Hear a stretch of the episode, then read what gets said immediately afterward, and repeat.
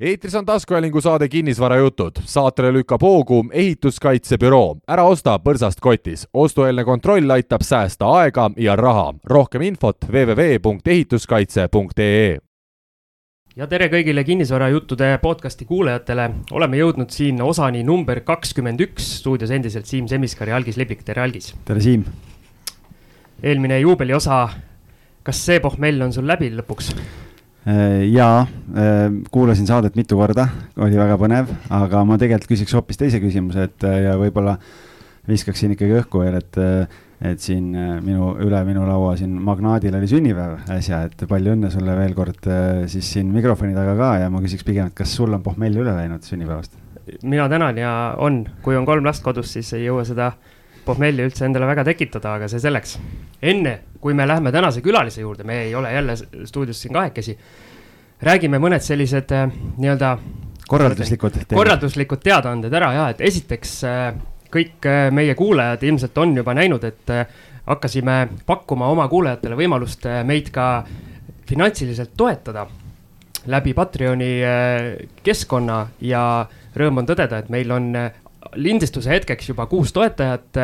kes äh, arvavad, et meie neile lisandväärtust pakume, meil äh, on äh, väga suur rõõm ja meie täname, Algis, Algis tänab ka. suurepärane, nii et ma ütlen algusest peale rääkinud, et kui vähemalt üks inimene siit mingit abi saab ja, ja see talle korda läheb, siis kuus on juba ju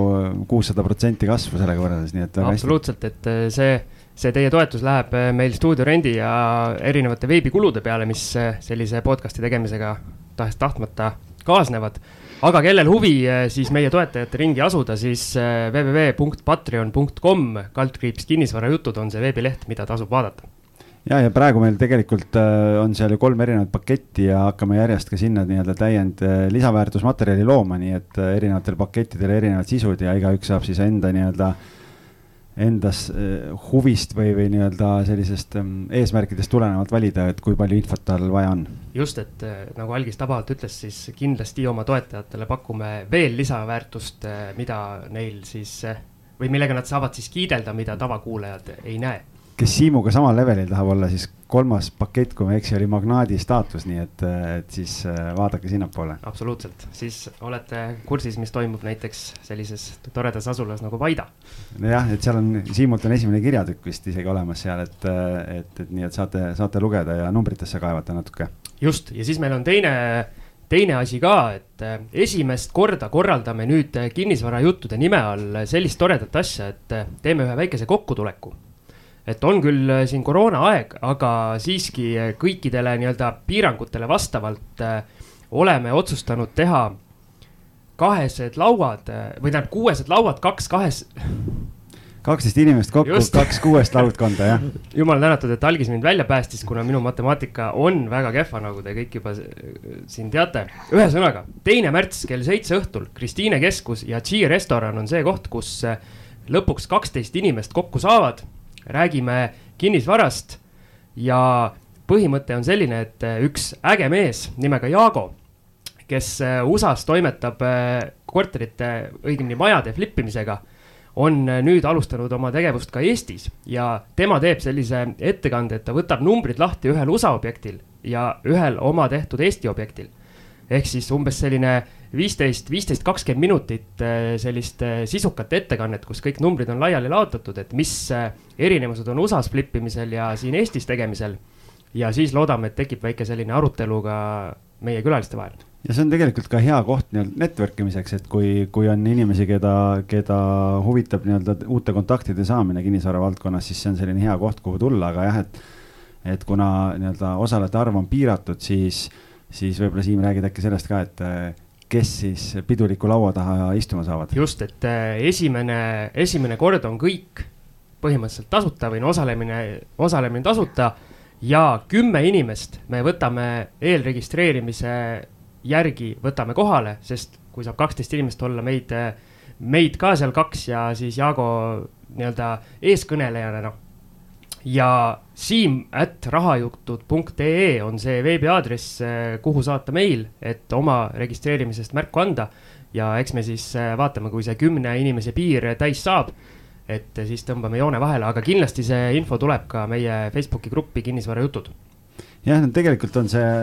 pikalt seedinud mõte ja siin erineval kujul oleme seda nagu arutanud ja, ja lihtsalt kuna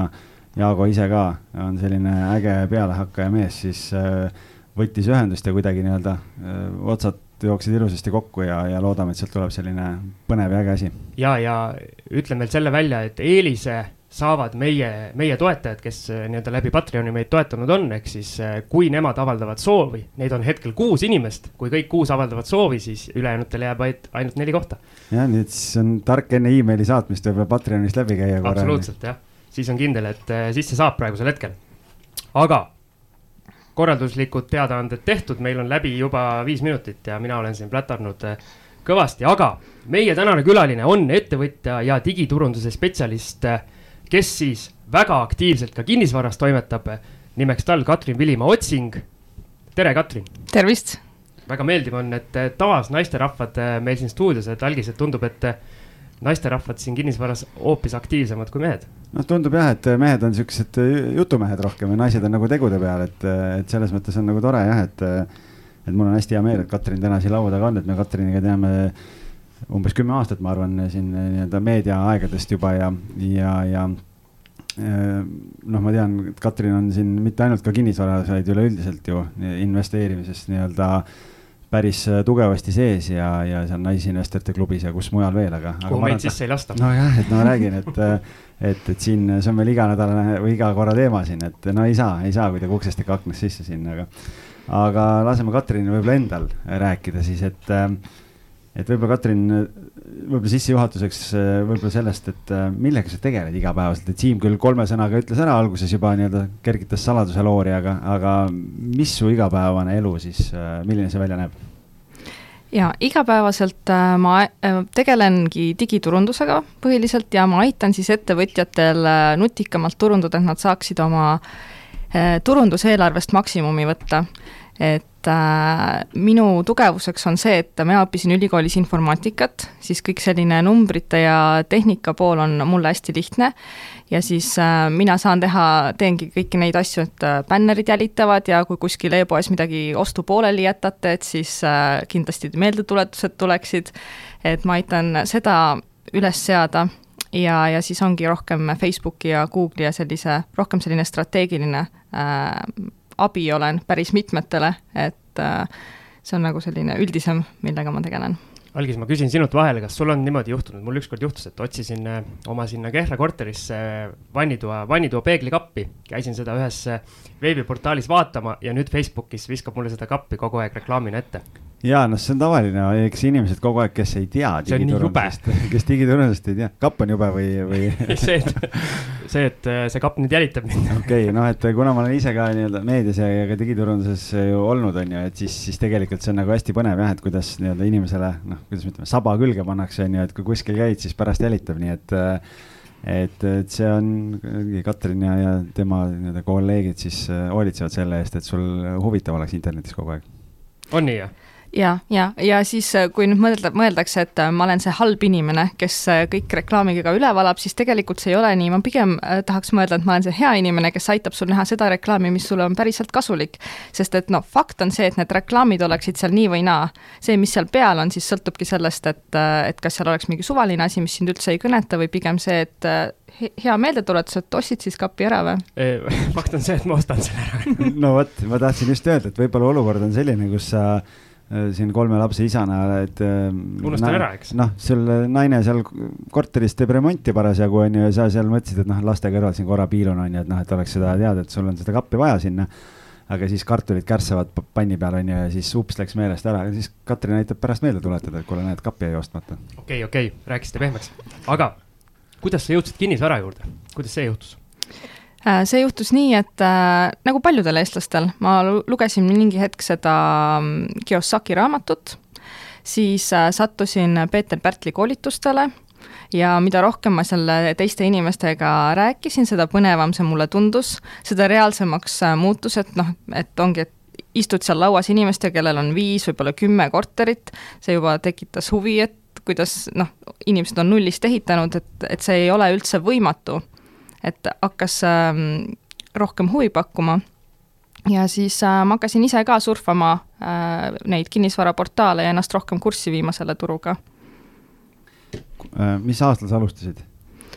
no esimese korteri ma ostsin aastal kaks tuhat kolmteist, aga enne seda oli selline nii-öelda marineerimise ja analüüsimise periood okay.. kui kaua see kestis, see on päris huvitav, et paljud ju nii-öelda marineerivadki eluaeg ja käivad nendel üritustel kuulamas ja kogu aeg räägivad, et ma nüüd hakkan esimest korterit ostma ja ikka ei osta. no ma arvan, et see oli ikka üle aasta Äh, või isegi noh, paar aastat oli sellist, et kus ongi sellest raamatu lugemisest, siis mõni, mõningatel koolitustel käimisest, siis äh, ma arvan, et pool aastat vähemalt oli ka see, kus ma lihtsalt surfasin kuulutusi ja vaatasin, mis üldse pakutakse, enne kui ma leidsin sellise kuulutuse, kus üldse tasus äh, või mis minu hinnangul oli selline, et, et nüüd on vaja see ära osta, et et see jah, ma arvan, et see oli vähemalt üks, kui mitte kaks aastat. Aga kui sa nüüd võrdled kaks tuhat kolmteist ja kaks tuhat kakskümmend üks, et kui praegu saaks nende hindadega surfata, mis siis, siis vist väga kaua aega ei läheks, et äh, tehinguni jõuda jaa, see on nagu ühel, ühes kuskil, ma kuulsin ka, kui keegi ütles, et oleks seda teadnud, oleks tänavate kaupa kokku ostnud aga kas äh, sinu nii-öelda äh, siis sammud äh, investeerimisvaldkonnas algasidki kinnisvarast või, või olid sul juba muudes varaklassides esimesed äh, vitsad käes selleks ajaks? ma olin äh, varem, äh, mul oli ka kogunenud mingisugust raha ja siis ma lihtsalt mõtlesin, et, et oleks kasulik see kuhugi investeerida. Tol ajal ei olnud üldse selliseid gruppe ja kuskilt infot eriti ei saanud ja mul ei olnud ka väga aega seda tegeleda, ma lihtsalt siis rääkisin pangatelleriga, et näete, mul on siin selline, ma ei mäletagi, mul oli äkki kümme tuhat krooni või, või midagi sellist et, äh, et võiks selle kuskile kasvama panna. no ja siis äh, Telleri lahkel soovitusel äh, Hansa Ida-Euroopa aktsiafondi, mingi fondi fondi. Et siis äh, see pidi olema väga hea koht, kuhu investeerida ja siis, kui nüüd äh, selleks esimese korteri ostuks läks, siis ma müüsin selle fondi fondi kahjumiga maha, et saaks sissemaksuraha kokku. no sina said kahjumi, aga see pank sai kindlasti haldustasude näol kõva, kõva kasumi. Teller sai väikse preemia ka äkki kuskilt, et aga okei okay., aga räägi võib-olla siis äh, oma sellest esimesest ostust, et kui sa seal nüüd lappasid aasta või, või rohkem, et äh, mis sa siis äh,, jah, siin mul on näpp. ma tahaks veel, veel seal samm tagasi korra natukene ringi tuuseldada, et oletame või tähendab, mitte, mitte ärme oleta, vaid äh, räägime sellest hetkest, kui sa seal Pärteli äh, koolitusel olid ja kindlasti seal mingite inimestega tutvusid, et kui paljud inimesed äh, sinu kõrvalt, kes tol hetkel olid ka nagu algajad või kellel ei olnud veel midagi, kui palju nemad on ka jõudnud oma esimese, teise, kolmanda objektini või olid sina ainus, kes sealt nii-öelda tuld sai ja lõpuks ka tegutses? Ma ei ole niimoodi statistikat teinud, aga ma tean, et väga-väga paljud on sealt ikkagi saanud, et ma mäletan, noh, need inimesed ju kordusid koolitusest koolitusse ja tegelikult on sealt ikka väga ägedaid asju välja tulnud, et kas või näiteks äh, Karin Vinkel, kes seda Koidu ehitust teeb, et tema ju ka lihtsalt ühel koolitusel tõusis püsti, et äh, ta tahaks nüüd äh, kortermaja teha ja siis inimesed pöördusid ja ta saigi, leidiski endale koostööpartnerid, et tegelikult see on olnud väga äge teekond mitmetele vot nii, algis, et tasub ka siis eh, meie poolt korraldatavale kinnisvaraõhtule tulla, et võib-olla sealt saavad ka mingid asjad alguse. iga suur asi saab alguse väikesest, nii et eh, selles mõttes, et ma arvan, et eh, see on alles väga suure asja algus. ehk siis meil alguses jäi ütlemata, et oodatud on nii algajad kui ka edasijõudnud, et jah, me selles mõttes ise valikut ei tee, et kui inimene tunneb, et ta tahab seal seltskonnas olla ja kohale tulla, siis, siis sõltumata nii-öelda taustast või kogemusest on, kõik on teretulnud. aga nüüd, Algis, võid edasi küsida, palun. ja ma tahtsin nüüd jõuda jah sinna, et kui sa seal siis neid portaale kammisid seal aasta või, või, või peale on ju, et, et mis sa sealt siis leidsid või mis asi see siis oli, mis lõpuks, et kui, kui sa jõudsid selleni, et vot nüüd selle peab ära ostma, et mis sa ostsid? Äh, no kuidas ma selleni jõudsin, see, et kui sa oled ikkagi mitu kuud äh, neid kuulutusi surfanud, äh, siis tekib mingisugune turutunnetus, et mul oli ka selline komme, et noh, kes mu arvutit on näinud, seal on alati sada tääbi lahti, siis mingi osa nendest olid need kuulutused, mis tundusid mulle enam-vähem huvitavad. ja kuna ma neid lahti jätsin, siis aeg-ajalt jälle vaatasin üle, et mis nend-, sellest või tollest kuulutusest on saanud. ja sealt nägi ka ära siis, et millised kuulutused on need, mis lähevad hästi kiiresti bronni ja millised ripuvad seal mitu kuud ja siis mingi hetk äh, tuli üles kuulutus, mis tundus ulmeliselt odav. Ja tavaliselt, kui äh, kuulutuse või see kinnisvara on ulmeliselt odav, siis seal on mingi jama, et kas ta on näiteks pooleldi keldris või täiesti keldris või näiteks äh, EHR-i järgi on ruutmeetreid palju vähem, et seal on leiutatud mingisugused panipaigad või rõdud on sinna juurde pandud, aga sellel ei olnud. siis mõtlesin kohe, et, et okei okay,, et see on päris huvitav. Ja, ja siis ähm, helistasin sellele maaklerile, aga see maakler oli täiesti umbkeelne venelane, ta ei osanud sõnagi eesti keelt ja minul on vene keelega ka suht halvasti. et siis äh,, ja ta ütles ka, sellest ma sain aru, et ta ütles Broniroval või midagi sellist, et noh, et ühesõnaga, et see korter on juba broneeritud, samas see oli samal päeval, noh, tundide küsimus tegelikult ja, ja siis äh, ma ikka, süda ei andnud rahu, et äh, see tundus liiga äh, hea diil, et siis ma helistasin oma emale, kes kes oskab vene keelt paremini, et kuule, et ma tahan seda korterit, et äkki sa räägid ja siis ta pakkus sellele maklerile, et ta võib maksta kaks tuhat rohkem. et et olla järjekorras esimene juhuks, kui see, kes on broneerinud, ei saa ja mõne päeva pärast see maakler helistaski, et see, kas see broneerija ei saanud seda äh, sissemaksuraha kokku või lihtsalt omanik otsustas ringi, igal juhul äh, me saime siis äh, sinna ise selle broneerimislepingu äh, tegemisse okei okay., ma võin etteruttavalt ära öelda, et meil on tegelikult Katriniga kokkulepe ka, et ta räägib oma esimesest ostust nii-öelda üksipulgi rohkem lahti aga selle kohta tulebki meil eraldi väike selline. boonusepisood. jah, boonusepisood, kus me vaatame natukene rohkem sinna numbritesse sisse, aga, aga sa võib-olla nii palju võid öelda, et äh, mis see asi, mis see asi maksis tollel ajal, kui sa ostsid äh,? see oli selline kolmekümne ruutmeetrine korter Kristiine puumajas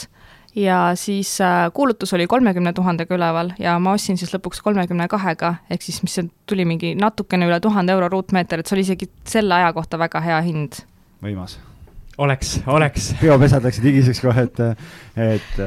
et noh, elus on oluline olla õigel ajal õiges kohas. jah, ja, ja, ja siis, see... siis kümne aasta pärast tagasi vaadata, mis kõik ja. tehtud on. ja see oli täitsa avalikust portaalist, et siin äh, paljud ütlevad, et häid diile üldse ei saa, et ainult leti alt ja peab tutvusi omama, et tegelikult äh, see oli nii, et äh, kui kuude kaupa surfata portaalis ja satud peale sellele kuulutusele, siis on võimalik leida aga räägime korra sellelt lähemalt, et kas sa hiljem oma objektid, eh, mis sa oled ostnud või tegutsenud, et kas sa oled ka nii-öelda avalikult, avalikust pakkumisest saanud või, või nagu sa ütlesid, leti alt, et, et mu küsimus ongi, et eh, inimesed, kes alustavad, kas eh, on üldse praegu avalikust pakkumisest midagi sellist head saada? mina olen küll saanud ja seal ongi pigem see, et siis jälgid pikaajalisemat turgu ja, ja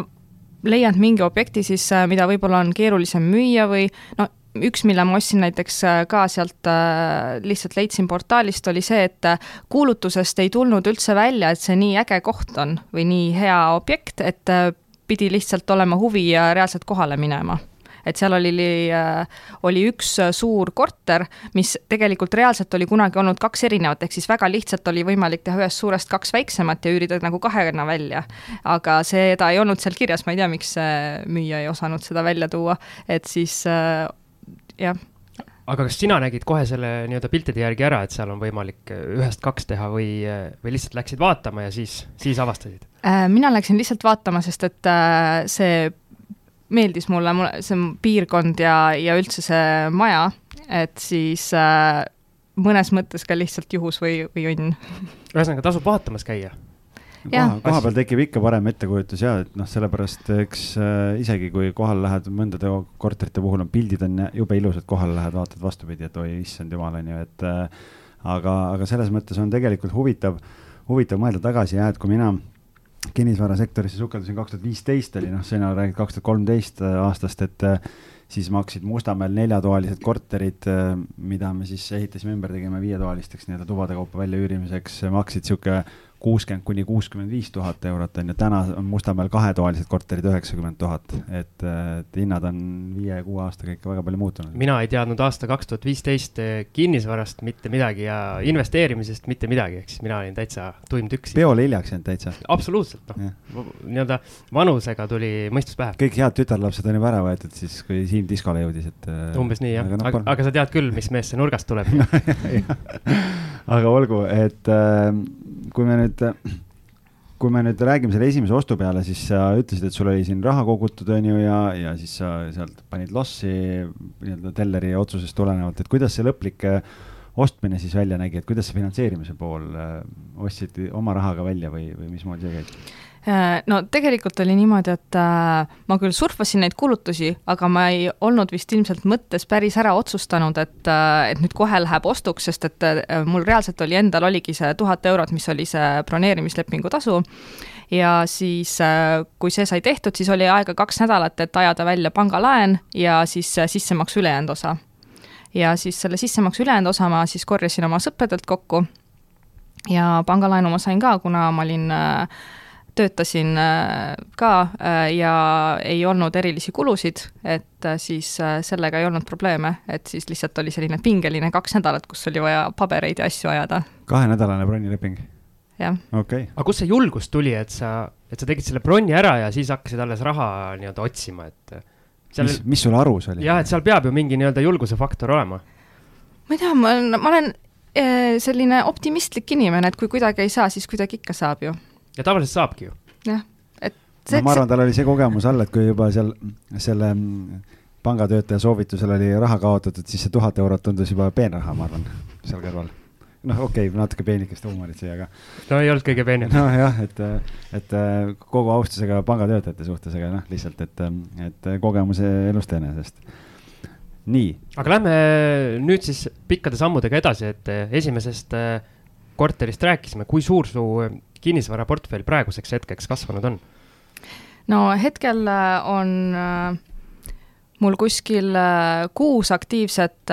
üürilepingut, kõik ei ole minu omanduses, et meil on siin, on abikaasaga ja õega ja siis noh, et peresiseselt oleme ka manageerinud neid korterid, kuna mul on see ettevõte, siis ma aitan neil ka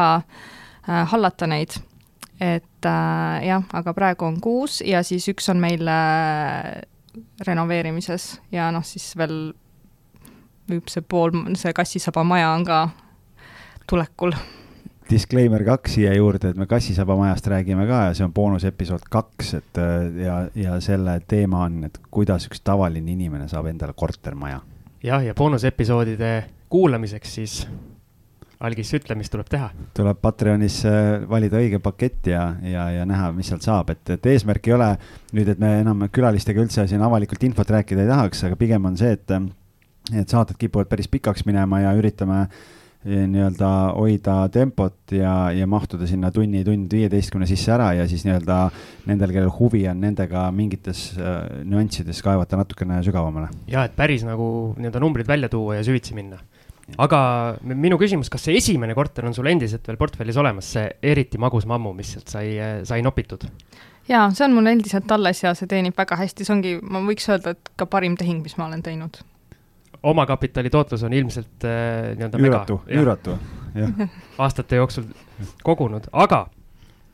kus me jäime siis äh, algise? et äh, portfell on suur, aga ma küsin selle halduse kohta, et väga huvitav, vaata, et, ähm, et äh, kas see tähendab seda, et sina ise siis ei ole kõikide objektide omanik, vaid osade puhul aitad, äh, üürnik välja läheb, aitad äh, üürnikku leida, tegeled ise või kasutad maaklerit või mis, mis see haldus täpselt tähendab, et mida sa teed? oh, ma olen siin igasuguseid kombinatsioone proovinud, et äh, siin enamus, mingist, mingi hetkeni ma tegin ise et siis äh, panin kuulutusi üles ja pilte ja siis äh, võtsin korterid üürnikelt vastu ja siis äh, vaatad, et seal natukene koristada, võib-olla sättida, et aga siis nüüd, kui on endal ka kaks väikest last ja ettevõte, et siis ma olen ähm, äh, kaks korterit on mul praegu näiteks on haldusfirma käes, kes siis aitavad mul äh,, otsisid üürilised ja siis nendelt tuleb lihtsalt raport, et üürid on laekunud, tuleb ülekanne ja siis äh, arve selle raamatupidaja jaoks. siis ma olen äh, kasutanud ka lihtsalt ühekordselt maaklereid, kes aitaksid üürilist äh, leida. Ähm, kas sa on... algist ka oled kasutanud maaklerina? maaklerina ei ole, ma olen ühte korterit lasknud tal vaadata, et saaks äkki Airbnb-sse panna, aga seal oli, oli vaja megalt remonti teha et siis äh, praegu läks sinna niisugune enam-vähem remont ja läks pikaajalisele, aga see potentsiaal on veel alles. ütleme jah, et potentsiaal on olemas, aga, aga arvestades eriti ma käisin, see oli veel turu tipus, kui ma käisin vaatamas ka seda ja konkurents oli nagu ülikarm tollel ajal, siis, siis ma soovitasin jah, Katrinile, et natukene peaks ilulihvi tegema seal ja siis, et kui nagu normaalset raha teenida, et muidu lihtsalt numbrid kippusid natuke õhukeseks jääma seal aga on sul mingid eh, nii-öelda lemmikpiirkonnad ka, et ma saan aru, pigem Tallinnas eh, või üldse ainult Tallinnas tegutsed? jaa, mul on ainult Tallinnas. Ja, ja Tallinna sees ka ma, ma pigem vaatangi rohkem äh, kesklinna ja selle ümbrust, et siis on sattunud äh, rohkem kesklinn ja Kristiine, ma ei välistaks ka, mis seal on, Kalamajat ja Pelgulinna, aga pra-, noh, sinna lihtsalt ei ole leidnud, et seal on kuidagi need hinnad on läinud väga kiirelt eest ära. meil on kuidagi Kristiine piirkonna investorid sattunud, Tõnu Toompargil oli ka Kristiine, et äh, peab, peab vaatama, mis seal on, et. Äh, mul on ka üks Kristiines. no vot, et äh, ma saan aru, et need, kes ja, matsu jagavad, need on Kristiines, et okei okay.. aga miks just, või tähendab, ma siis küsin niimoodi, et kas sinu silmis nii-öelda kesklinna piirkond, et see on selline nii-öelda kindla peale minek, et ükskõik, mis meil kasvõi siin majanduses või Eestis üldse juhtub, et siis see piirkond elab ikka kõik üle jaa, no esiteks see, et see on selline hästi likviidne, et kui tõesti oleks jama majas, siis äh, sellest varast saab ikka lahti, et selle saab ära müüa. Äh, teiseks on see, et soovitatakse ju alustada oma kodu lähedalt ja kuna ma ise elan ka kesklinnas, et siis äh, on kergem tegeleda ja ikka sõidad või kõnnid mööda, siis näed, et noh, vaatad, et et kuidas siis, kas akendes on veel kardinad ees ja kas tundub, et maja on püsti et lihtsalt on äh, lähemal ja mulle meeldivad, mul on olnud, äh, enamus ongi või, või need, mis ma olen ise ostnud rohkem, on sellised äh, miljööväärtuslikud puumajad, mida paljud pelgavad et noh, võib-olla ma ei ole ka oma neid vitsasid saanud, et pole mingisuguseid megaüllatusi sealt äh, tulnud, aga lihtsalt äh, minu arust on äge, kui on selline suur hoov olemas äh,, vähe elanikke majas, et see on nagu väärtus omaette. Mulle meenub alati, kui räägitakse nendest miljöö, miljööväärtuslikest puumajadest, kui meil kuuendas osas käis Kalle Aron ja rääkis, kuidas ta autovõtmega ühe maja mingid äh, alustellingud oli peaaegu ära lõhkumas, et. ja, et kõik oli mäda seal keldris jah, et no mul, mul on ka puumajaga, meil on nüüd kogemus olemas jah, et eks seal on üllatusi rohkem kui kuskile paneelmajja ostes, et sa kunagi ei tea, mis sealt põranda alt või kuskilt äh, välja võib tulla, aga. noh, paneelmajas sa tead, et paneelid ikka lõpuks päästavad. nojah, aga, aga jah, et noh, meil ju samamoodi oli puu, puitmajas seal, et äh, põrandal mingid, noh, terve põrand tuli uuesti teha, et betooni valada ja kõik asjad, et see, mis seal all oli, ei olnud väga, väga ilus. et aga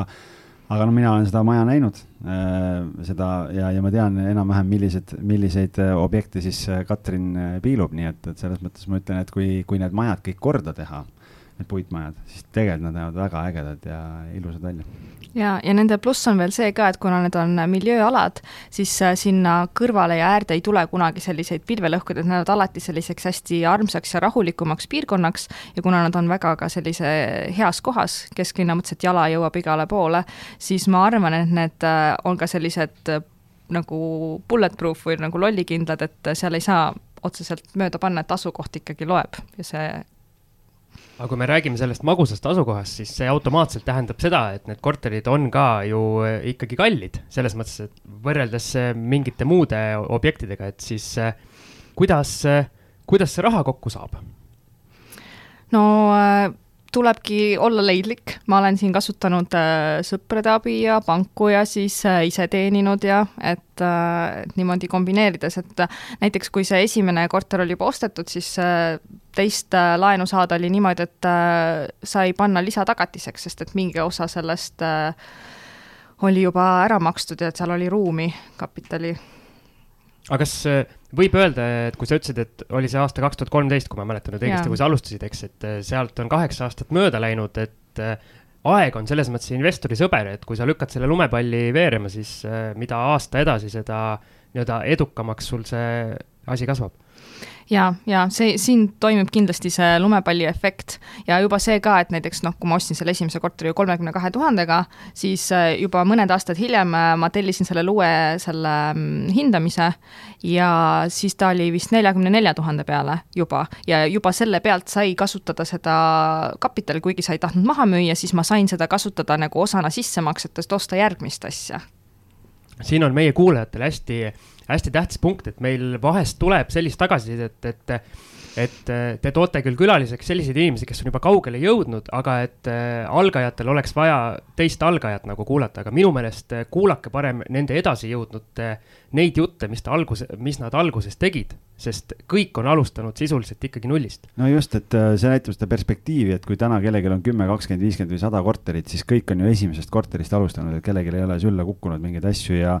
ja, ja selles plaanis ei maksa jah, kuidagi nii-öelda äh, ennast kehvemasse rolli panna, et Katrin ka ostis oma esimese korteri ja täna on nii-öelda juba siin manageerib nagu suuremat portfelli, nii et, äh, et jah, jälle esimene samm tuleb astuda lihtsalt.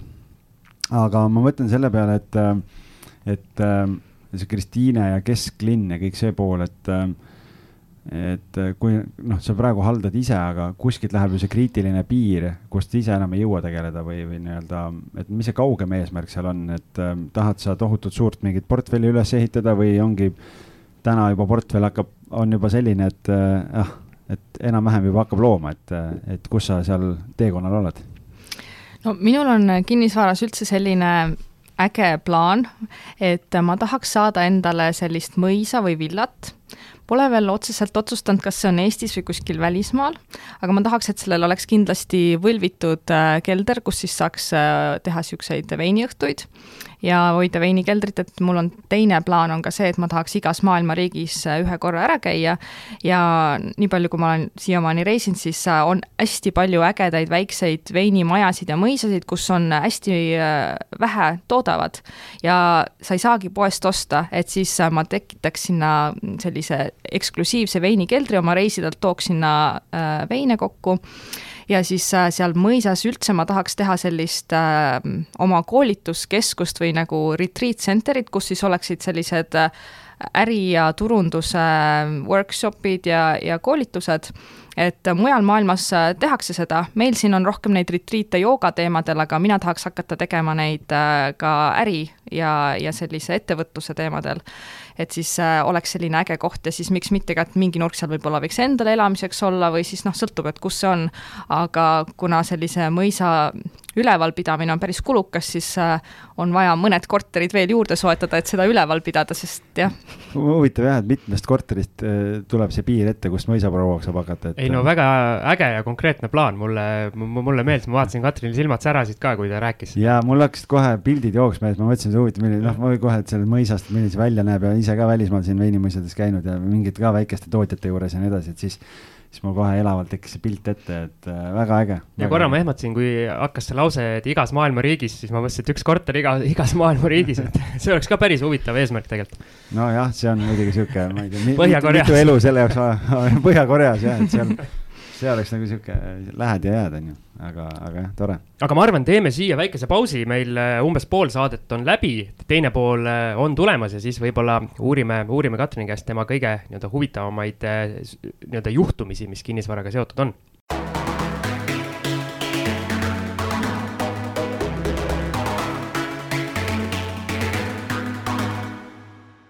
väike paus peetud, äh, ajalooline hetk oli see, et Algis ei teinud ühtegi telefonikõnet meie pausi ajal, mees siin muheleb ja kas töö on otsa saanud tööd on äh, väga palju, aga töö tuleb äh, siis õigel ajal ära teha, et muidu siin ükskord panid mulle niimoodi puid alla, et siis ma pärast mõtlesin, et ma enam seda, seda võimalust sulle ei anna. aga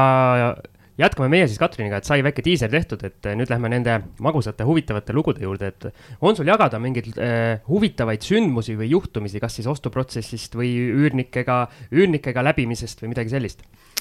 no äh, kõige sellisem meeldejäävam, mis mul on olnud, on see, et mingi hetk Jüriline enam ei vastanud mulle ja ta ei reageerinud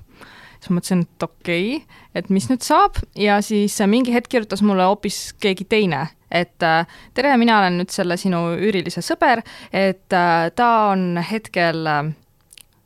hullumajas e,. ta ei, noh, ta ei saanudki kirjutada, et noh, põhimõtteliselt ta oligi seal kinni, aga et ära muretse, et ma nüüd elan ise sinu korteris ja ma maksan tema eest üüri nii kaua päris huvitav, ma lihtsalt kolisin sisse su korterisse, tere. jah, et no ja ta maksiski nii kaua ära, äh, kui ta seal elas, aga mingi hetk ütles, et ta peab nüüd ära kolima, et siis äh, põhimõtteliselt ma üritasin äh, siis kõik asjad, mis selle vanaüürilise omad olid ka talle, et ta võtaks kõik kaasa mingi väi-, mingite intervallidega see üüriline sealt hullumajast ka sai nagu vastata meilidele, aga tal oli ka mm,, saan siiamaani neid kohtutäiturite kirju, et tal olid ka võlad ja asjad, et no põhimõtteliselt vist sain enam-vähem nulliga välja sealt äh, ja, ja korter sai ka vabaks, et et lõpp oli hea, aga vahepeal oli küll nii, et okei okay,, huvitav ma kohe küsin siia sellise, mitte provokatiivse võib-olla, aga huvitav teada, et kui see teine inimene sisse kolis, kas sa tegid uue lepingu ka või, või leping jäi muutmata? ma jah, ma ei muutnud midagi, et ta lihtsalt kandis äh, tema asemel et see oli nagu, ma olin nii üllatunud, et ma isegi ei osanud midagi teha, et see kestis õnneks äh, mitte väga kaua, maks pool aastat või mõned kuud, et siis, ja ta tundus äh, korralik, et ma guugeldasin teda, vaatasin, et, äh, et milline inimene ta on. päris, päris julge. aga Algis, kuidas see, meil minu meelest, kas seal grupis oli ka mingi lugu, et äh, viidi, viidi kellegi üürnik, viidi lihtsalt politseiga minema vist, murti isegi aken lahti või katki ja, ja see jäägi, aken jäi, ja. ja jäigi lahti ja omanikule midagi ei teatatud ja omanik eh, ka umbes selle peale, et üürnik enam ei kontakteerunud, üks hetk läks korterisse, vaatas, aken on juba, ma ei tea, pikalt lahti olnud ja nii-öelda lahti murtud ja ei tea, kus üürnik on. mitte keegi mitte midagi eh, nii-öelda jõustruktuuridest ei öelnud, et kas samamoodi, et sul üürnik viidi lihtsalt nii-öelda hullumaja pandi kinni ja oli kõik? ma, ma isegi ei tea, kuidas see läks, et lihtsalt mingi hetk, eh, kui üür ei laekunud, siis ka kirjutasin, vastust ei tulnud ja noh, siis oligi, see tuttav lõpuks äh, kirjutas, et noh, et ta on, et noh, iseenesest see üüriline ei olnud äh, halb, et tal seal olid halvad kokkusattumused ja elu läks nii, et äh, aga jah, et äh, ma ei, jah, ma isegi ei tea, kuidas ta sinna sattus või kuidas ta seal nagu otseselt ära viidi, et võib-olla ta lihtsalt ise läks sinna, et mine tea. Ühesõnaga tundub, et siis tuleb oma üürilistega ikkagi pidevat nii-öelda kontakti hoida ja kui see kontakt ära kaob, siis kusjuures algiselt äh,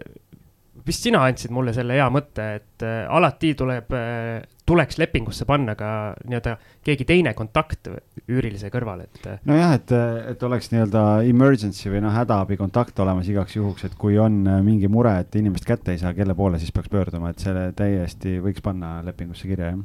jaa, see on hea punkt jah, ja siis teine ongi see, et kuna need äh, korterid on kodu lähedal, et see on ka üks hea käia vahest läbi ja vaadata, kas tuli põleb ja kas maja on veel püsti ja kas aken on kinni on sul veel mingeid, äh, noh, see oli selline väga drastiline lugu, aga. no ma võib-olla ikkagi tuleks selle lepingu juurde tagasi, lihtsalt meil kuulajatele siis ikkagi soovitus, et kui selline olukord on, et siis tegelikult peaks ikkagi uue lepingu tegema, sellepärast et, äh, et lepingu või nii-öelda noh, üürisuhe keht-, kest-, kestab või kehtib ikkagi selle inimesega, kes korterit kasutab, et, et sellepärast peaks, oleks pidanud tegema uue lepingu siis selle inimesega, kes, kes seda korterit kasutab, et kõik oleks juriidiliselt korrektne. jah, ja see plaan tegelikult oli vist nii, et ta tuleb ikkagi kunagi tagasi, see originaalüüriline, et ta on lihtsalt asendus, aga ta ei, ta ei tulnud et ikkagi me lõpuks pidime lõpetama. ta varsti tuleb, et kui ta, kui ta, kui ta kalad basseinist püütud saab, siis ta tuleb, et nii kaua olen mina sest tegelikult ega ei saa, ei saa keelata, tegelikult hea point jälle, ma käisin eile ühte üürikorterit näitamas. huvitav olukord, et äh, tuli perekond, mees, naine ja, ja tütar tulevad vaatavad, äh, näitasin erinevaid kortereid, kuna mul on uus arendustes praegu korterid, siis ma saan assortiid näidata nii-öelda, osasid kuulutusi ka, mis ei ole veel nii-öelda avalikus pakkumises, sest on kas just valmis saanud või, või ma ei olegi kõike üles pannud, et mitte nii-öelda overkill'i teha käima korterites ringi ja nii edasi siis ma küsin, noh, ma ütlesin, et ebamugav küsimus, aga noh, ma pean küsima, et kas te olete abielus. ja siis ütled, et ei ole. ma ütlesin, et okei okay,, et noh, et siis ähm, kui te soovite seda korterit üürida, et siis mul on mõlema isikut tõendavat dokumenti vaja, et ma taustakontroll teha ja, ja siis äh, korraks oli vaikus. ja siis naisterahvas ütleb, et aga mina kolin tütrega siia kahekesi. ja noh, selline väga ebamugav olukord tekkis nagu ja, ja ma ütlesin, et okei okay,, et noh, et siis, siis tuleb ainult teie taustakontroll teha ja ja siis tuli üldse, et aga et kas ettevõttega ka saab lepingut teha. noh, ma ütlesin, et jah, üürileandja on ettevõtja, et saab, saab küll, et noh, probleemi ei ole ja, ja, ja siis äh, aga noh, kui sellised mingid asjad tulevad, vaata siis kohe kuidagi noh, minul viskab maaklerina kohe alarma ülesse ja siis tegelikult äh, ma ütlen, noh, niimoodi praegu siin rääkides, ega ma ju kontrollima ei lähe sinna ukse taha, et kas see noh, mees on nüüd seal või ei ole või ja, ja kui ta, kui ta on seal, võib-olla ta tuli külla, on ju, noh, et ega ma sinna ju magama ei lähe nende juurde maaklerina, et et aga tegelikult äh, on ikkagi hästi oluline, et inimesed, kes, kes korteris elavad, kui nad ei ole perekonnaliikmed, et nad oleksid ka lepingus kirjas, sellepärast et siis on see vastutus ja, ja nii-öelda seadusest tulenev kohustus on ühesugune aga mis seal siis sinu arvates oli, et sellel mehel siis ilmselt taustakontrollist tuleks midagi välja, mida ma, nad ei taha näidata? tõenäoliselt jah, et aga noh, teistpidi, eks seal on jälle, aga seal ongi jälle see, et inimesed ehmatavad ära, et äh, kui sul on olnud minevikus mingi asi, siis mõistlikum on rääkida sellest, öelda, et jah, juhtus mingi asi, näed, jäin võlgu kunagi, maksehäire on üleval, mingid asjad, et ega siin on ka inimesi olnud, kellel on kuuekümne eurone maksevõlg üleval, siis kui inimene ütleb mulle, et äh, mis see põhjus seal taga on, siis alati saab ju omanikuga läbi arutada, et noh, et äh, et me oleme kõik inimesed olnud, kõik oleme vigu teinud, et ega see ei tähenda, et automaatselt äh, leping peaks kohe sõlmimata jääma, aga kui hakkab skeemitamine või nii-öelda sahkerdamine, noh siis, siis mul on pigem nii-öelda kuna mina ka vastutan ikkagi oma töö eest, siis ma pigem ikkagi, isegi kui kõik tundub nii-öelda korrektne, võib juhtuda, et ma ütlen omanikule, et ma ikkagi ei soovita selle inimesega lepingut teha igaks juhuks. Aga siin on kohe Katrinil hea küsimus, et eh, kes või milline inimene on sinu jaoks see nii-öelda ideaalne üürnik või kuidas sina seda taustatööd teed ja kuidas sa inimesi valid, et kas eh, see taustatöö on eh, selline numbrite ja infopõhine või on ikkagi sellist kõhutunnet ka seal sees? no äh, mul on äh, mõlemat et äh, kõhutunne on see, et hea, kui ma olen ise käinud näiteks näitamas, siis ka tekib mingisugune selline tunne, kui sa selle inimesega räägid, et osad lihtsalt tunduvad kuidagi sellised libedad sellid või noh, kohe noh, selles mõttes, et ta tundub kahtlane, et no iseenesest näeb näiteks viks ja viisakas välja, aga jutt on kuidagi selline nagu müügimehe oma, et siis see ka kohe tekitab minus äh, kahtlusi. aga ma alati kontrollin üle ka ma võtan ka ID-kaardi selle mm, isikukoodi ja ütlen neile, et ma teen taustakontrolli, siis seal on ka olnud huvitavaid äh, lugusid, kus inimesed annavad julgelt oma selle kaardi ja ütlevad, et puhas kui prillikivi, kontrollige kõike, ja siis vaatad, et noh, et isegi kui tal näiteks endal ei ole mingeid maksehäireid, siis näiteks tema ettevõttel on mingi kümneid tuhandeid maksuvõlga, et noh, kas ta kujutas ette, et see ei tule välja või no väga veider, et inimesed nagu ei, ei mõtle iseenesest. et ma tavaliselt vaatangi seda äh, krediidiinfo äh, väljavõtet ja mina olen küll jälginud seda põhimõtet, et äh, kui seal on midagi üleval, siis äh, mina ei tee lepingut ja see on ka ühelt selle Peeter Pätli koolituselt äh, soovitus see on äh, kahel põhjusel, üks on see, et, et sinna, siin võlg üles tekiks, tegelikult peab ikkagi päris palju vaeva nägema, sa pead ikkagi päris mitmeid meeldetuletusi olema ignoreerinud ja, ja siis äh, noh, et isegi kui see on aegundeta. ja teine on see, et kuna mina annan ka üürile ettevõtte alt, siis äh, mul on ka lepingutes see punkt, et kui jääb võlgu, siis ma saan panna krediidiinfosse ülesse. Ja see on äh, ka lisamotivatsioon inimesele, et kui ma võtan inimese, kellel seal ei ole ühtegi võlga, et äh, kui minu võlg oleks esimene, mis ma sinna üles panen, siis äh, tal põhimõtteliselt ju kaovad ära kõik võimalused saada pangast laenu, isegi telefoni ei saa järelmaksuga osta, et see paneb päris palju uksi kinni, et siis äh, ma pigem eelistan inimesi, kellel on seal puhas leht, et siis see oleks lisamotivatsioon, et nad minuga ka võlgu ei jääks, sest et lepingus on, nad on lugenud ja ma ka tutvustan neile sellist suurepärast võimalust, et nad saavad siis äh, ka sinna krediidiinfosse sattuda, kui nad äh, mulle ei maksa. ja teine asi, mida ma äh, noh, muidugi ma guugeldan, vaatan sotsiaalmeediat mida need üldavalikest registritest, aga mis võib-olla paljud ei tee, on see, et mina näiteks löön Google'isse sisse ka nende emaili aadressi või telefoninumbrit. ja siis tuleb tihti välja erinevaid foorumeid ja mingeid müügikuulutusi ja sealt saab ka näha, et mida ta on ostnud või müünud ja kuidas ta on sõnastanud, mõned on seal väga huvitavaid sõnavõtte või nagu noh, on näha, et äh, ei ole nagu mm, sellised viisakad inimesed võib-olla, et siis äh, inimesed, kes mõtlevad, et koristavad oma tausta sotsiaalmeediast ära, et siis vaadake üle ka, et kus te kunagi olete kuskil äh, okidokis näiteks midagi üles pannud või seal kommenteerinud. aga siit äh, siis selline küsimus, ma saan aru, kui sa nii äh, nii kõva taustakontrolli teed, kuidas sa nendele inimestele, kes sinu sõela ei läbi, et kuidas sa neile ütled või kuidas sa neile ära ütled, et see, näiteks minu jaoks, ma olen sihuke hästi hea inimene, eks Algis teab. pehmo. jah, pehmo, et väga, väga keeruline on nagu ei öelda. jaa, ära räägi see see on tõesti, seal on noh, enamasti on nii, et sul on olemas keegi, kes läbis selle sõela ja siis on kergem, et siis sa saad lihtsalt öelda, et et oli teine, kes sobis paremini ja ja ma olen, mul on, pigem ei ole raske nendega, kes ei läbi. Äh, mul on raskem nendega, kes näiteks on käinud esimese või teisena vaatamas ja, ja nad ütlevad, aga mina olin ennem kohal et, et mina helistasin esimesena, et miks minul ei ole eelisõigus. et siis pigem sellest nagu mööda rääkida on minu arust palju raskem, et, et jaa, et noh, et sa käisid küll ennem vaatamas, aga see teine on nagu sobivam üüriline, et et jah, see on ja, see tõesti on probleem. hästi hea point tegelikult on see, et kui te üürnikku valite endale, siis see ei ole nii-öelda kiiruse konkurss, et kes esimesena kohale jõuab, vaid seal on ikkagi see, et et te tahate endale head üürnikku leida, mitte kiiresti diili lukku panna, nii et, et seal ma arvan, tulebki inimestele lihtsalt hästi ilusasti selgitada, et me nagu nii-öelda ei võta välimuse või, või kiiruse järgi, vaid ikkagi on see, et meil on mingid teatud ootused, milline see inimene võiks olla ja me vaatame erinevad kandidaadid üle ja siis äh, tulenevalt sellest, kes, kes meie profiiliga kõige paremini kattub, nii-öelda siis selle inimesega läheme ja teeme lepingu ära, et äh, et äh, ma arvan, et te mõtlete üle natukene lihtsalt, et pole hullu midagi. aga sinu korterites ma saan aru, et kui need on nii heas asukohas, et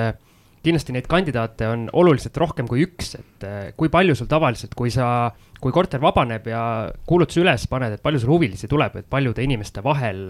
vahel sa valid ja kui paljudele sa üldse taustakontrolli teed, et kindlasti mingi osa kukub sul kohe ära, et ongi nagu liiga libe jutt, et sa juba nagu eos ütled, et see niikuinii ei saa ma enamasti ikkagi kohe koha peal ei, ei julge öelda, et see nagunii ei saa et see niimoodi sujuvalt, et äh, me, meil, mul on siin teisi vaatajaid veel ja üks nipp, mida ma olen kasutanud, on ka see, et äh, keegi, kes eile käis vaatamas, mõtleb veel, et ta võib-olla noh, et tal on nagu niisugune eelbronn, et siis äh, võtta ootusi maha nendelt, kes käivad, et noh, mul on, mul on ka ei raske öelda, siis ma olen teinud siin selliseid lükkeid. soovitust tahate või? Mis mina inimestele ütlen tavaliselt, ma ütlen niimoodi, no muidugi tahame, selle jaoks see saade ongi. et omanike, omanike noh, mina maaklerina alati ütlen, et me oleme omanikuga kokku leppinud, et me mingit äh, trikoovooru tegema ei hakka, teist ja kolmandat vooru. et äh, kui me leiame esimese inimese, kelle puhul nii-öelda kõik kastikesed saavad linnukestega täidetud, taustakontroll on korras, mm, normaalne töökoht on ju ja ma ei tea, inimesena sobiv ja, ja noh, kõik, kõik sellised asjad et, äh, et siis, siis me esimese inimesega liigume edasi, aga selleks, et seda otsust teha kõigepealt on vaja nii-öelda taustakontrollid ja kõik see pool ära teha ja siis, kui sealt on nii-öelda positiivne vastus olemas, siis me saame edasi rääkida sellest, et äh, selle üürilepingu sõlmimisest ja, ja tingimustest ja asjadest, et saab selle draftiga tutvuda ja, ja kõik see pool, et koha peal tulebki ära selgitada, et me kohe koha peal ei otsusta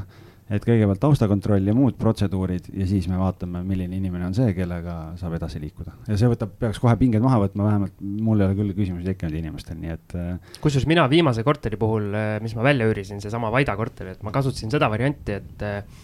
ma nagu eemaldusin sellest, et mina ei ole korteri omanik, vaid ütlesingi, et nii-öelda me, me omanikuga istume maha, et vaat see korter on ettevõtte nimel, et ma ei pea ju ütlema, et mina just mm -hmm. nii-öelda olen selle korteri ainuomanik või nii, et. et me omanikuga istume maha ja teeme selle valiku, et siis sa nagu ise nagu distantseerid ennast sellest otsusest või et sina oled ainult vahendaja, nagu algis näiteks äh, maaklerina saab seda väga edukalt teha.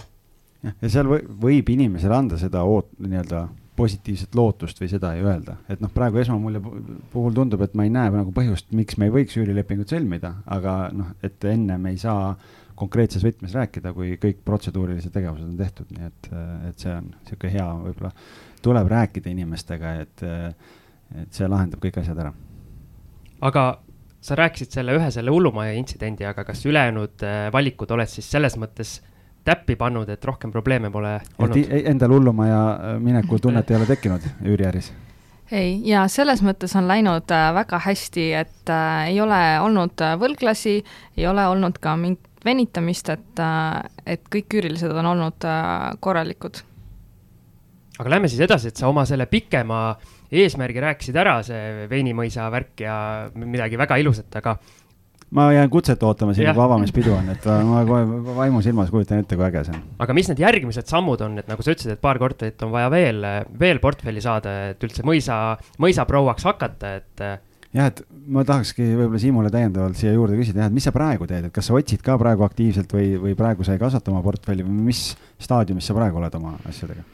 no äh, praegu ma ikkagi hasardist surfan neid kuulutusi, et no juhuks, kui satub mingi pärl sülle, aga kuna mul on äh, siin päris suur see maja ja kõik on renoveerimises, et äh, esmajoones peaks saama need korda, et saaks need üürija teenima panna kuna Katriniga on moka otsast on sellest majast juttu olnud ja meil tuleb nii-öelda boonusepisood selle kohta, siis me võime ikkagi natukene rääkida ka sellest, et äh, räägi, räägi, mis maja sul on ja kus see on? on äh, üks äh, väike kortermaja Kassisabas ja seal on ehitisregistri järgi on seal kolm korterit, aga noh, tegelikult on neli kunagi ja siis, kuna nüüd on terve maja minu käes, siis saaks mingil määral kasutusse võtta ka seda katusealust et siis äh, saaks sellise hea pensionisamba omale ehitada.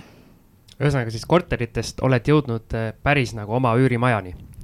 jah, et noh, kui öeldakse üürimaja, siis see tundub, et, et kõnnin seal pikkades koridorides ja seal on mingi megamaja ja hotell on ju, noh, suur on ju ikka. jaa ja., aga noh, tegelikult äh, seal on, seal on nat-, natuke üle kahesaja ruutmeetri on seda elupinda, et noh, mõnel on korter nii suur või, või elumaja, et see ei ole nagu megasuur, et noh, tegelikult leidub ka selliseid. aga maja on maja. absoluutselt, mõtle, kui sa ütled ikkagi, kas sul on, noh, et mul on siin üks kahesaja ruudune korter Kassisabas või sa ütled, et mul on üürimaja. kortermaja. jah mul on üürimaja, et nagu, et see on ikka teine asi, noh, et tuleb, kuidas paketeerid.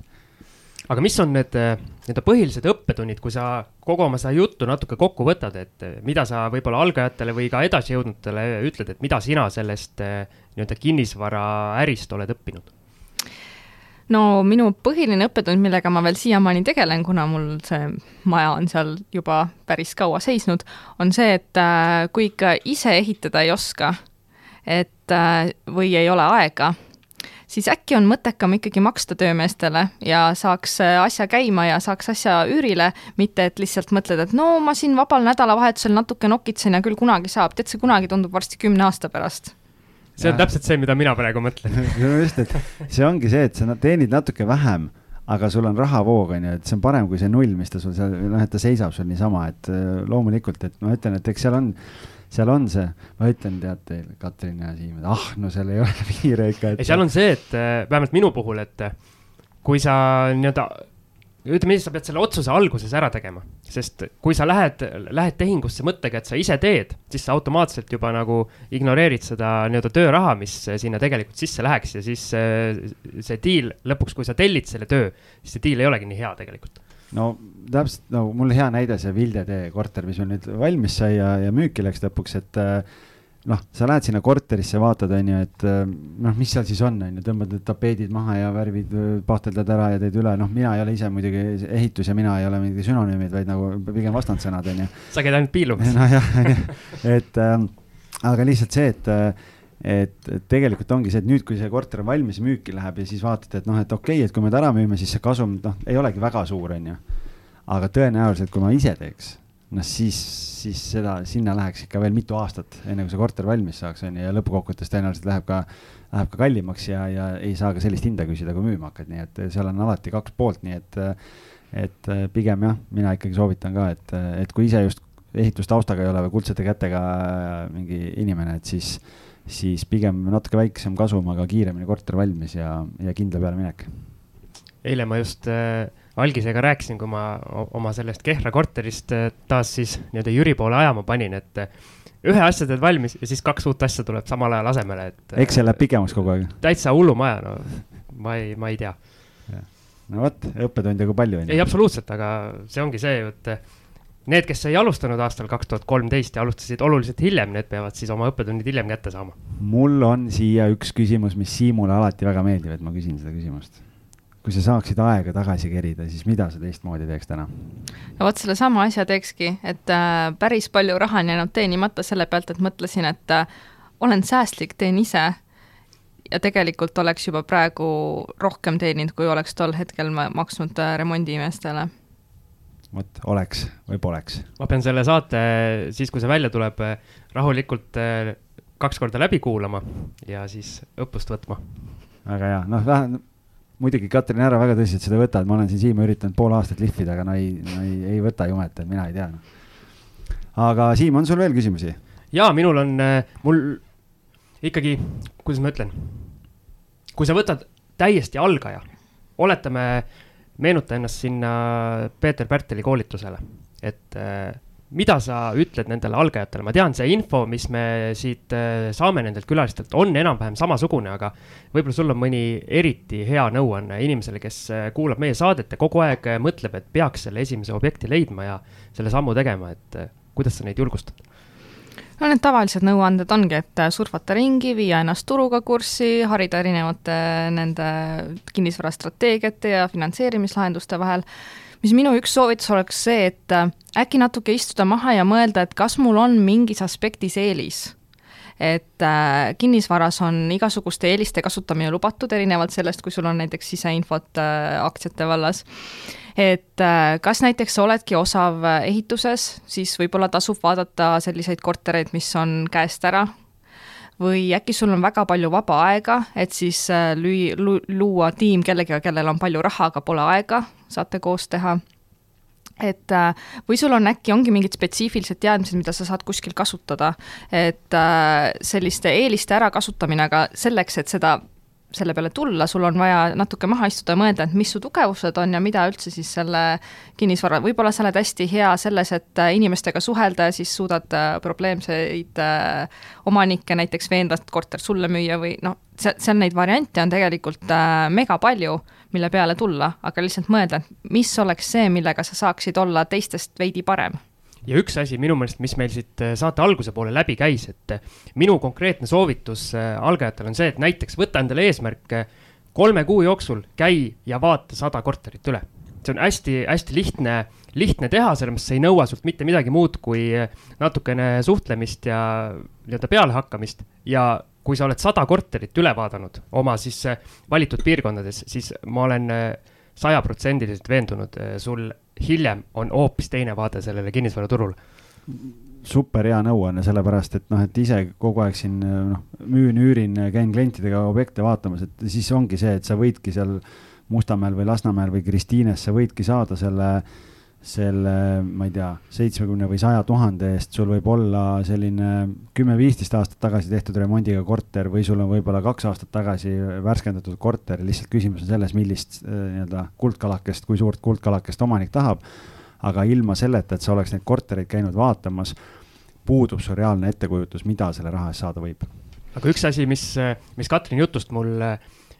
kõrva jäi, oli see, et äh, see tiimi kokkupanek, et kui palju sinul on selliseid nii-öelda koostööprojekte, kus sa oledki mingi tiimi kokku pannud, on mõni? Äh, no jaa, ma olen kasutanud erinevaid inimesi, et ikkagi äh, targematelt nõu küsida. noh, ehitusest äh, ma parem ei räägigi, et seal on ikka vaja, sest see, mul ei ole mm, kindlasti mitte aega hakata ennast kurssi viima erinevate äh, lahendustega, aga näiteks ka lihtsalt, kas siis seal gruppides Facebookis, äh, vaadata, mis teised kirjutavad, seal väga palju saab sellest ka teada, et äh, mis nõu küsitakse, et äh, noh, kes siis nüüd naisinvestorite grupis on, et sorry, kutid, et. Äh, seal on, äh, seal on hästi äge niisugune algatus, et ähm, äh, leia oma investeerimissõbranna ja siis äh, sinna postituse alla saab kirjutada, et äh, mis teemal sa tahaksid edasi areneda ja siis äh, leiadki kellegi, kellega kohvile minna näiteks või, või teha üks kõne, et äh, saab rohkem infot. ja, ja noh, mina olen siis kasutanud ka ju maaklereid näiteks, et saaks aega kokku hoida haldusfirmat, siis äh, noh, jah, remondimehi väiksemate asjade ja, ja suuremate tegemiseks, et äh, tegelikult ema, on. et vene keeles suhelda. aa, muidugi ja, ja suhtlemine. tervitame ema. jah, et, äh, et noh, tegelikult on, see on suhete äri, kinnisvara. aga kui nüüd mõni algaja tahaks panna nii-öelda kokku sellise tiimi, et oletame, temal on aega ja tahtmist, aga tal ei ole raha kuidas leida oma sõprade-tuttavate juurest eh, see nii-öelda rahaboss ülesse ja kuidas temale üldse läheneda, et ma arvan, et see, et eh, võtad kõne ja ütled, et anna mulle nüüd sada tuhat, et ma hakkan korterit ostma, see väga ei lenda vist. Ma kahtlustan ka, et see võib olla natuke Sealt keeruline. küsimus vastu kohe, et mitmes korter see on, esimene, noh, edu. Tuut, tuut, tuut ja no üks variant ongi seal äh, nendes äh, investeerimisega seotud gruppides tekitada teema, et mul siin on selline mõte, et äh, arutaks, teine variant on hakata ise rohkem välja kommunikeerima, et sul on selline huvi ja sa oled selles vallas ennast harinud ja tegelenud sellega, et üldiselt eestlastel kipub olema selline agressiivse ootamise taktika, et ma oma peas kujutan ette, et need inimesed kohe jõuavad minuni, aga kui sa ise kunagi kuskil ei maini, et sa üldse otsid selliseid inimesi, siis nad nad ei, ei jõua sinuni. noh, mis mina ise näiteks olen teinud, et äh, ma alustasin äh, sellist gruppi nagu investeerimine kinnisvarasse kunagi ja selle mõte oli ka see, et tõsta oma sellist äh, mainet, et kui mul kunagi peaks olema raha vaja, et siis äh, näiteks või kaasata, et äh, see tõstaks nagu sellist, et noh, ma tean kinnisvarast, et mul on selline grupp, et ja, ja lisaks siis, et saaks suhelda seal. tol hetkel ei olnud just kinnisvarateemalisi gruppe rohkem aga rääkides Facebooki gruppidest, siis meil siin saate eel tuli see ka välja, et sinu saab öelda omanduses, siis on üks ja. Äh, Eesti suurim see nii-öelda üürigrupp ka, et räägi sellest. Äh, jaa, mul on ühe teise naisega kahe peale, on äh, see korterite üürimine maakleriteta. Seal on nüüd siis peaaegu kaheksakümmend tuhat liiget, et see ongi siis see kõige suurem grupp, mis siis pakub kõva konkurentsi KV-le ja Cityle, et siis kes otseomanikult ja, ja ilma vahendustasuta pakuvad, siis need kuulutused käivad sealt grupist läbi ja, ja see on ka äh, mul ka selline rohkem maineprojekt, et äh,, et ma tahaks näha üürilist, kes julgeb mulle võlgu jääda, kui ma olen selle grupi omanik. Jaa, see on päris hea mõte, aga ma küsin, kas kinnisvaraportaalid on sulle bänni ka pannud, et sina oma kuulutusi sinna üles panna ei saa või? ei ole, nad võtavad raha alati vastu. Okei mina olen sealt, ma ei tea, kas sellest konkreetsest, aga nendest gruppidest äh, väga palju abi saanud, aga, aga räägi sellest, et mina käin lihtsalt meelelahutuse võtmes aeg-ajalt äh, neid gruppe nii-öelda surfamas või ütleme, mul viskab need ägedamad kuulutused ülesse ka, kus äh, mingid inimesed käivad automaatselt seal kommenteerimas iga korterit, et äh, kuidas sina nagu sellesse suhtud, ma saan aru, nii-öelda oled adminina ka seal, et äh, peab nii-öelda palju rehitsemist tegema, et seal delete nupp ikka on punane ja, ja adminina muidu jah, kohati on isegi meelelahutuslik neid kommentaare seal lugeda, aga adminina on vaja ikkagi seda grupi mm, sellist Äh, vibe'i hoida, et seal ei läheks äh, lahmimiseks, et inimesed julgeksid sinna kuulutust panna, siis ei ole vaja, et seal hakatakse kohe maha tegema. ja, ja kui põhimõtteliselt mingit kuulutust või kommentaari raporteeritakse, siis äh, tuleb kõikidele adminidele see notification ja siis ma olen üldiselt ikkagi suht tuimalt ära kustutanud. et ma isegi ei hakka süvenema, kas seal oli kellelgi õigus või mitte, kui ma näen, et seal ongi, kas on näiteks ropendatud või sõimatakse kedagi, et see, see ei ole see grupp, see on ikkagi selleks, et kuulutada ja leida omale korter, et kui sulle ei sobi, siis lihtsalt keri edasi, see on ka sinna reeglitesse kirjutatud ja ma olen ka blokkinud inimesi ära või siis pannud lihtsalt neile need, äh, see post approval ehk siis, et nad ei saa postitada ilma, äh, et mina olen selle ennem äh, kinnitanud, et noh, see on juba ka sellepärast, et kui seal väga palju hakatakse sellist ähm, viha või äh, sõimamist tegema, et inimesed, mitte et nad raporteerivad adminile, nad võivad raporteerida ka Facebookile ja siis on kogu see grupi maine Facebooki silmis ohus, et noh, sellega ma ei tahaks riskida. Sellega on nende gruppidega on huvitav teema, et noh, mul on, kui mul on siin mingi kesklinnas olnud mingeid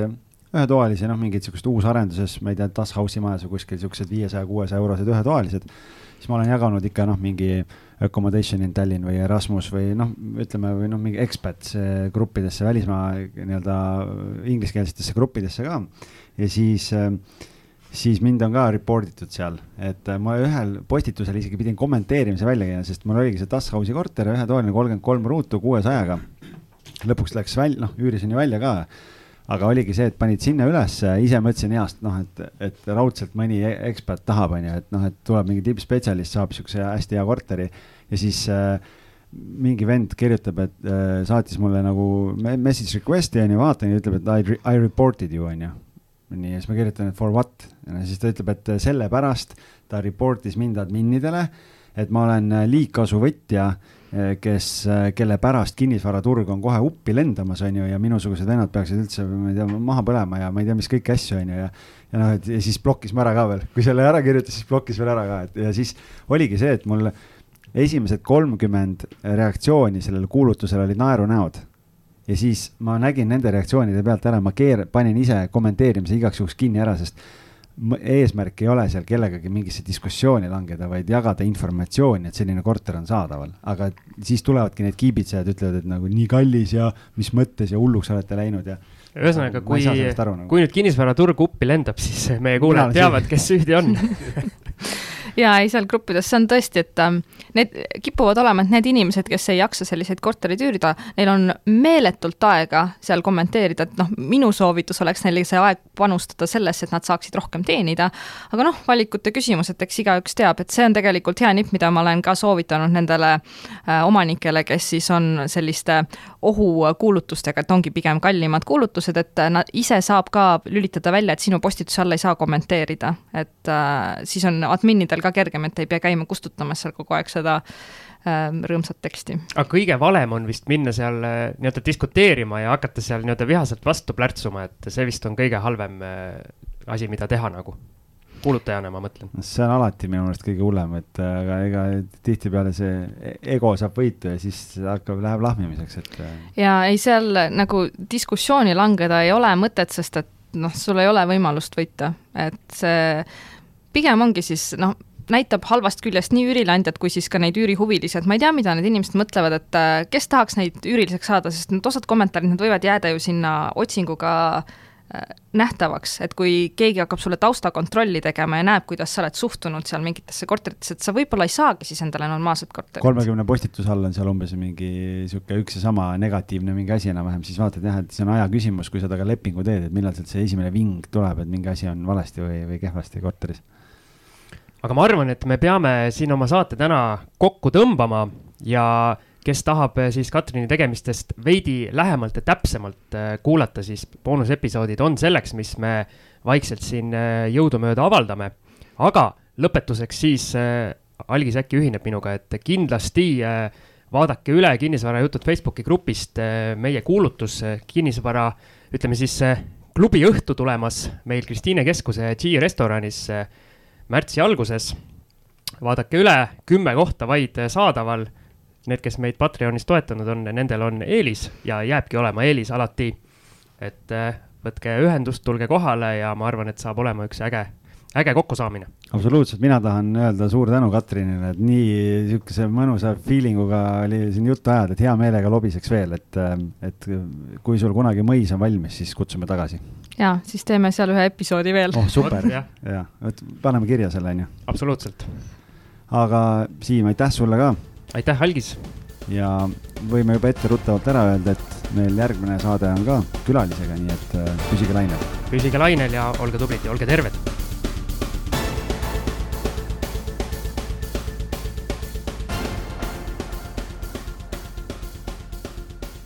kinnisvara ostueelne kontroll aitab säästa aega ja raha. vaata lisa www.ehituskaitse.ee